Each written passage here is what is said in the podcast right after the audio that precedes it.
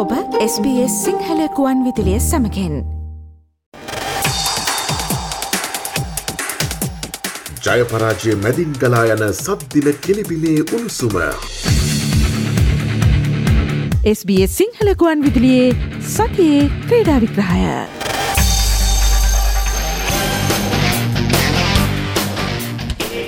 අයිබෝවන් SBS සිංහල සේවේ සතියේ ක්‍රඩා විග්‍රහය සමගින් ඔබදත් එකතු වන්නේ සිකුරාදා දිනේ සුපුරුදු වෙලාවට. අපි සූදානම් අදත් ශ්‍ර ලංකාවේ වගේ මෝස්ට්‍රලියාවේ ක්‍රඩා පිටියේ උණුසුම් තොරතුරු රැසක් සමගින් ඔබ හමුවන්නට පළමුුවෙන්ම අවධාන යොමු කරන්නේ ශ්‍ර ලංකා ක්‍රිකට් කණ්ඩායමේ එළමෙන බංගලාදේශ තරග සංචාරය වෙතයි. මේ තරංගාවලියට එකතු වෙන දහ අට දෙනෙකුගෙන් සමන්විත අවසන් සංචිතයට පසුගේදා ක්‍රඩාමාත්‍යවරයාගේ අනුමැතිය හිමි වුණ. එය අනුව දිමුත් කරුණරත්න තමයි නායකත්වය ගෙන කටයුතු කරන්නේ. ඕෂධ ප්‍රනාන්දු දනංචේද සිල්වා ඇන්ජලෝ මැතිවස් කුසල් මෙන්ඩිස් කමිල් මිශාර කමිදු මෙන්ඩිස් නිරෝෂන් දික්වැල්ල දිනේශ් චන්තිමාල් රමේෂ් මෙන්ඩිස් චාමික කරුණාරත්න කසුන් රාජිත විශ්ව ප්‍රනාන්දු අසිත ප්‍රනාන්දු දිල්ශාන් මදුශංක ප්‍රවීංජය වික්‍රම ලසිත් ඇමුල් දෙනිය සමගින් සුමින්ද ලක්ෂාන් මේ සංචිතයට ඇතුළත් වනවා.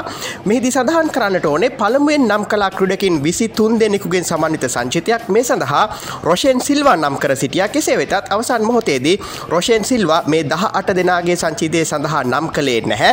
ශ්‍රී ලංකා ක්‍රිකට් ආයතනය සඳහන් කරන්නේ ඔහු ශ්‍රී ලංකා ක්‍රිකට් ආයතනය වගේම තේරීම් කමිටුවේ නිසි අවසරයක් සහ නිසි පරිදි දැනුවත් කිරීමකින් තොරව එංගලන්තේ පැවැත්වෙන ලී ක්‍රිකට් තරංගාවලියකට සහභාගී විසිටින බවයි ඔහු වෙනුවට කමිදු මෙන්ඩිස් කණ්ඩායමට නම් කර තිබෙනවා. විශේෂෙන්ම කමිදු මෙන්ඩිස් මෑතකදී නිමාවට පත් වූ නැශනල් සුපලී ක්‍රිකත් තරගාවලියේ සිවදින ක්‍රිකට් තරගාවලියේ තරගාවලිය වීරයට හිමි සම්මානය හිමි කරගත්තා. ලක්කුණු අටසේ අසූහයක් ලබා ගනිමින් එය අනුව කමිදු මෙන්ඩිස්ට අවස්ථාව උදාවී තිබෙනවා. මේ තරගාවලියට එක්වන්නට මෙහිදී සඳහන් කරන්නට ඕනේ අප්‍රෙල් විසි පස් වනදා තිබුණා මේ ක්‍රඩකින් සඳහාවන ෆිට්නස් ටෙස්ට එකක්. ඒ සඳහත් රොෂයෙන් සිල්වා සහභාගී වී තිබුණේ නැහැ. විශේෂෙන්ම දනංජෙද සිල්වා සහ කුසල් මෙන්ඩිස් මේ වන විට දකා ප්‍රමිලී ක්‍රිකත් තරංගාවලිය නියෝජනය කරමින් සිටියත් ඔවුන් පසුගේ විසි පස්වනදා පැවැත්වුණු ෆිට්නස් ටෙස්ට එක සඳහා සහභාගි වී තිබුණ. එය අනුව රෝෂයෙන් සිල්වා මේ අවස්ථාවන් සියල්ලම මගහැරීම නිසාවෙන් ඔහුට මේ තරංගාවලිය අහිමි වූ බව තමයි ශ්‍රී ලංකා ක්‍රිකට් ආයතනය සඳහන් කරන්නේ. එලබෙන අටවැනිදා නැතිනම් ඉරිදාදිනේදී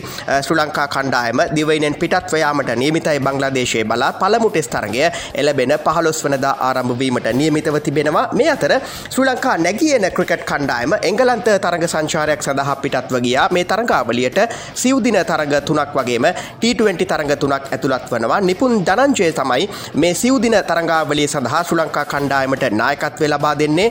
ධනංජය ලක්ෂාන් eh, T20 තරගාවලිය සඳහා ශ්‍රී ලංකා කණ්ඩායමට නායකත්වය ලබා දෙනවා. රුවන් කල්පගේ තමයි ශ්‍රී ලංකා නැගී එන කණ්ඩායමේ පුහුණු කරුවල් ලෙස කටයුතු කරන්නේ. මේ කණ්ඩායම සඳහා දුනිත් වෙල්ලාලගේ නම් කර තිබෙනවා. ඔහු තමයි පසුගේදා නිමාවට පත් වූ වයස දහ දහනමෙන් පහල ලෝක කුසලාන ක්‍රිකට් තරංගාවලියේදී ශ්‍රී ලංකා කණ්ඩායමේ නායකත්වය ගෙන කටයුතු කළේ පැහැදිලි අනාගතයක් තිබෙන ක්‍රඩකෙක් නිසාවෙන්. ඔහුව මේ තරංගාවලියට නම් කළ බව තමයි තේරීම් කමිටුව සඳහන් කරන්නේ. එය අනුව පළමුුවෙන්ම පැවැත්වෙන්නේ සිව්දින තරංගාවලියයි. ඒ පළමු තරගේ කෙන් ප්‍රාන්තය සමගින් පැවැත්වෙනවා. දෙවන තරගය හැම්ෂය ප්‍රාන්තය සමගින් සහ තුන්වන සිවදින තරගේ පැවැත්වෙන්නේ සරේ ප්‍රාන්ත කණ්ඩායම සමගයි. ඉන් අනතුරුව තමයි T20 තරංගාවලිය පැවැත්වෙන්නේ. පළමු තරගේ මැයි මස විසි පස් වනදා සරේ ප්‍රාන්තය සමගින්. දෙවන තරගේ සමසෙට් ප්‍රාන්තය සමගින් පැවැත්වෙනවා අවසන් T20 තරගේ පැවැත්වෙන්නේ ඩ්‍රොස්ටශය ප්‍රාන්ත කණ්ඩායම සමගයි යනුව ශ්‍ර ලංකා නැගියන කණ්ඩායමට ඉතාමත්ම වටිනා තරංගාවලියක් ලෙස මේ එංගලන්ත තරංගාවලිය හඳුන්වාදිය හැකි.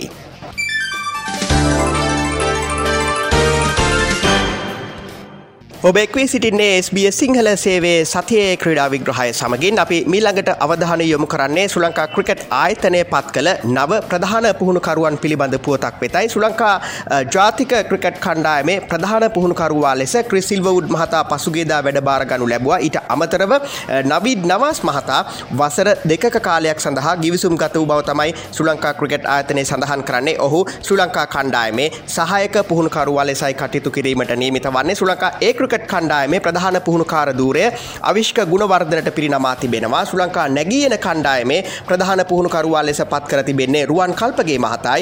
ඒ වගේම වයස 19න් පහළ කණ්ඩායමේ ප්‍රධාන පුහුණුකරුවා ලෙස ජෙහාන් මුබාරක් පත් කර තිබෙනවා. හෂාන් තිලකරත්න මහතා තමයි ශ්‍රී ලංකා කාන්තා ක්‍රිකට් කණ්ඩායමේ ප්‍රධාන පුහුණුකරුවා ලෙස කටයුතු කරන්නේ.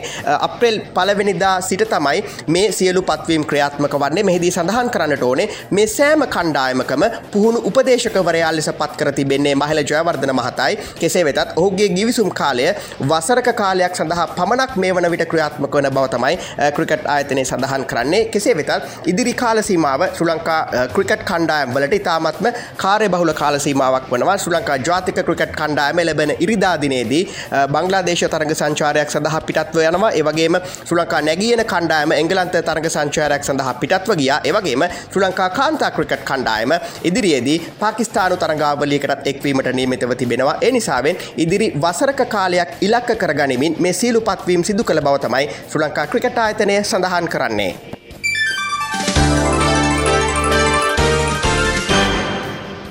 අපි මීළඟට අවධානය යොමු කරන්නේ ශ්‍රී ලංකා කාන්තා ක්‍රිකට් කණ්ඩායමට සම්බන්ධ පුවතක් වෙතයි ශ්‍රී ලංකා කාන්තා ක්‍රිකට් කණ්ඩායම පාකිස්තානු තරගාවලියක් සඳහා එක්වීමට නියමිතව තිබෙනවා. මේ සඳහා සහභාගී වන පහළොස් දෙනෙකුගෙන් සමන්විත ශ්‍රී ලංකා කණ්ඩායම නම් කර තිබෙනවා. ඊට අමතරව අට දෙනෙකුගෙන් සමන්විත පුහුණු කාර්ය මණ්ඩලයකුත් මේ තරගාවලියට එක්වීමට නියමිතයි. මැයි මස දහ අටවනදා තමයි ශ්‍රී ලංකා කණ්ඩායම පාකිස්තානය බලා පිටත්ව යාමට නියමිත වන්නේ කරච්චිහිදී තමයි සමස්ත තරගාවලියම පැවැත්වෙන්නේ. T20 තරඟ තුනක් සහ එක්දින ජාත්‍යන්තර තරඟ තුනක් මේ තරගාවලියට අයත් වනවා. චමරි අතපත්තු තමයි ශ්‍රී ලංකා කාන්තා ක්‍රිකට් කණ්ඩායමේ නායිකාව ලෙස පත් කර තිබෙන්නේ නවක ක්‍රීඩිකාවන් දෙදෙනෙකු මේ සංචාරයට එක්වනවා.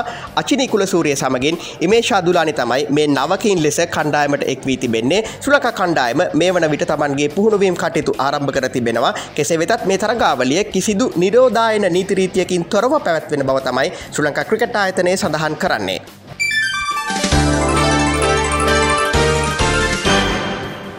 SBS සිංහල සේවේ සතියේ ක්‍රීඩා විග්‍රහයෙන් අපි මීළඟට අවධානය යොමු කරන්නේ ශ්‍රී ලංකාවේ රග්බි ක්‍රීඩාව සම්බන්ධ පොතක් වෙතයි. ආසියානු රග්බි සම්මේලනය විසින් ශ්‍රී ලංකාවේ සාමාජිකත්වයේ අත්හිටුවා තිබෙනවා ආසියානු කලාපය තුළ කිසිදු ආකාරයකින් රග්බි තරඟාවලියකට සහභාගී වීමේ අවස්ථාව මේ වන විට ශ්‍රී ලංකාවට අහිමි වී තිබෙනවා. ඔවුන් පසුගියදා ශ්‍රී ලංකාවට පැමිණ තිබුණා ආසියානු සම්මේලනයේ නිලධාරීන්. එහිදී ශ්‍රී ලංකා නිලධාරීන් සමග ඔවුන් සාකච්ඡාවට කිහිපයක්ම පවත්වා තිබෙනවා. ශ්‍රී ලංකා රග්බි පරිපාලනයේ දූෂණ සහ අක්‍රමිකතා කිහිපයක් පිළිබඳව පැමිණිලි ලැබී තිබෙන වටපිටාවක ඒ කරුණු පිළිබඳව සලකා බැලීමෙන් අනතුරුව මේ තීරණය ගෙන ඇති බව තමයි අපට වාර්තා වන්නේ. මේ කාරණාව සම්බන්ධයෙන් ක්‍රීඩා අමාත්‍යවරයාව දැනුවත් කර තිබෙනවා. කෙසේ වෙතත් මේ තහනම බල පැවැත්වෙන්නේ ආසියානු කලාපයේ තරගාවලි සඳහා සහභාගී වීම සඳහා පමණයි. කෙසේ වෙතත් දේශීය වශයෙන් රග්බි තරගාවලි සංවිධානය කිරීමේ අවස්ථාව තිබෙනවා.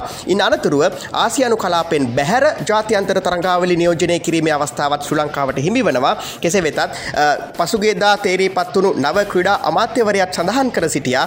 ක්‍රිකට් ක්‍රීඩාවේ වගේම රග්බි ක්‍රීඩාවේ දූෂණ ආක්‍රමිකතා පිළිබඳව තමන් නිසි පරිදි සොයා බැලීමට කටයුතු කරන බව එවන් වටපිටාවක තමයි මේ ආකාරයෙන් ආසියානු සම්මේලනය විසින් ශ්‍රී ලංකාවේ සාමාජිකත්වය අත්හිටුවා තිබෙන්නේ. අපි බලමු ශ්‍රී ලංකා රග්බි සම්මේලනයේ මේ කාරණාව සම්බන්ධයෙන් ඉදිරියේදී ගනු ලබන ක්‍රියාමාර්ග මොනවද කියලා.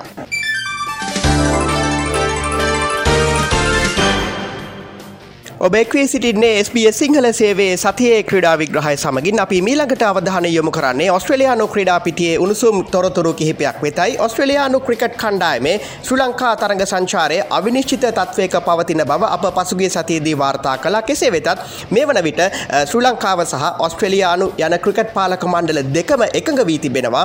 යොදාගත් පරිදි නියමිත කාලසටහනට අනුව මේ තරංගාවලිය පැවැත්වීමට ඒ අනුව ක්‍රිකට් ඔස්ට්‍රලයා ආයතනය පසුගේදා මේ තරංගාවලිය පෙළට එක්වන සියලුම සංචිත නම් කලා ඊට අමතරව ඔස්ට්‍රලයානු ඒ ක්‍රිකට් කණ්ඩායමත් ශ්‍රී ලංකාවේ තරග සංචාරයකට එක්වීමට නියමිතව තිබෙනවා. මෙහිදී සඳහන් කරන්නට ඕනේ ඔස්ට්‍රලයානු T20 කණ්ඩායමේ නායකත්වයට පත් කර තිබෙන්නේ ඇරොන් ෆින්ච් ඒවගේම ඔහු එක්දින කණ්ඩායමෙත් නායකත්වයට පත් කර තිබෙනවා. දහසේ දෙනෙකුගෙන් සමන්විත කණ්ඩායමක් මේ කණ්ඩායම් දෙකට නම් කර තිබෙනවා. මෙහිදී පැට් කමින්ස්ව T20 තරඟාවලියට වගේම එක්දින තරඟාවලියට නම් කර නැහැ. ඔහුව ටෙස් තරඟාවලියට සහභාගි කරවීමේ බලාපොරොත්තුවෙන් විවේක ගන්වා තිබෙන බවයි වාර්තාවන්නේ ඊට අමතරව ඇඩම් සම්පාව මේ සමස්ත තරංගාවලියෙන්ම විවේක ගන්වා තිබෙනවා. ඔස්ට්‍රේලියානු ක්‍රිකට් ආයතනයෙන් පෞද්ගලිකව ඉල්ලීමක් කර තිබෙනවා. මේ තරංගාවලියෙන් තමන්ව නිදහස් කරන ලෙස ඉන් අනතුරුව ටෙස් තරංගාවලිය සඳහා පැට් කමින්ස්ගේ නායකත්වයෙන් යුතු දහසේ දෙනෙකු නම් කර තිබෙනවා. කෙසේ වෙතත් මාකස් හැරිස් මේ ටෙස් සංචීතයට නම් කර නැහැ. ස්ටීව් ස්මිත් තමයි ටෙස් කණ්ඩායමේ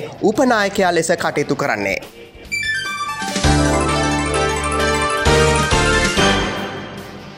SBS සිංහල සේවේ සතියේ ක්‍රඩා විග්‍රහයෙන් අපි මීළඟට අවධානය යොමු කරන්නේ ඔස්ට්‍රලයානු රක්බි පාපන්දු පිටිය වෙතයි. ඔස්ට්‍රලයානු කාන්තා සත්සාමාජික රක්බි කණ්ඩායම පසුගේදා ලෝක ශුරතාවක් හිමිකරගන්නට සමත් වනා දෙදහස් විසියක විසි දෙක තරංගාවලියේ ලෝක ශුරතාවේ තමයි මේ කණ්ඩායම හිමිකරගත්තේ නමවන වතාවට තමයි මේ තරංගාවලිය සංවිධානය කෙරුණේ. කැනඩාවේදී තමයි මේ අවසන් තරග වටේ පැවැත්වනේ එහිදී නවසිලන්ත කණ්ඩායම අවසන් තරගේදී ලකුණු විසි එකට දාහතක් ලෙස පරාජයට පත් කරම කරමින් ඔස්ට්‍රලයානු කාන්තාරක්බි කණ්ඩායම සමස්ත ශුරතාව හිමි කරගත්තා. මේ සමස්ත තරංගාවලිය අධීර කිහිපයකින් තමයි පැවැත්වනේ කෙසේ වෙතත් කොවිඩ් තත්වය නිසාවෙන් මේ සමස්ත තරංගාවලියටම යම් යම් බාධා එල්ල වුණා. නමුත් අවසාන වශයෙන් ඔස්ට්‍රලයානු කණ්ඩායම සමත් වුණා. මේ තරංගාවලිය සමස්ත ශුරතාව හිමි කරගන්නට ඔවුන් පවසන්නේ නවසීලන්ත කණ්ඩායම අවසන් මහා තරගේදී පරාජයට පත් කිරීමට ලැබීම සම්බන්ධයෙන් අතිශයින්ම සතුටට පත්වන බවයි.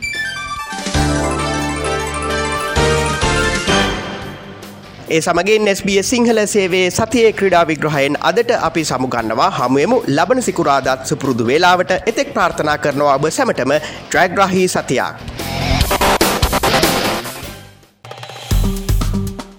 ලයි කරන්න ෂයා කරන්න අදහස් ප්‍රකාශ කරන්න SBS සිංහල ෆස්බුක් පිටුව ෆලෝ කරන්න.